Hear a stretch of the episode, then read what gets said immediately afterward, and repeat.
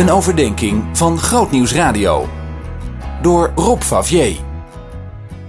Vandaag hebben we het in de serie over kinderen even over twee jongens die al vroeg bij hun ouders weg moesten. De eerste was Mozes en de tweede is Samuel. Die heeft wel een hele andere geschiedenis dan Mozes.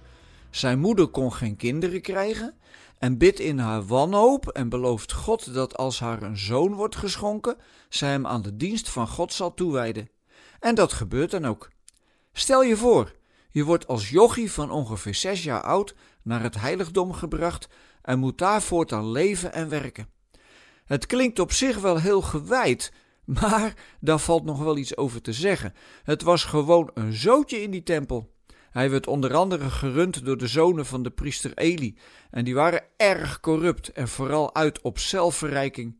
Ze zetten de mensen af bij de offerdienst en dreigden zelfs met geweld als er wat van gezegd werd. En hun vader, Eli, durfde er niks van te zeggen. Hij is erg slap en laat ze gewoon hun gang gaan.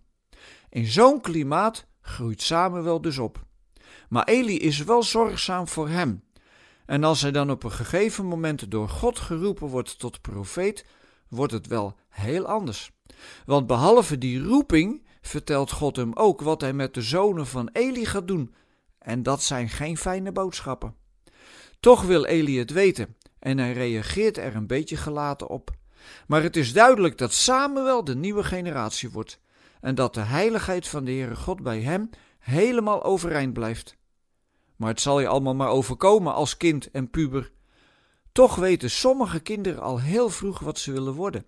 Ik heb een jongen van twaalf gekend die toen al wist dat hij piloot bij de MAF zou worden. En dat is ook gebeurd. Hoe moeilijk is het soms om de richting van je leven te vinden?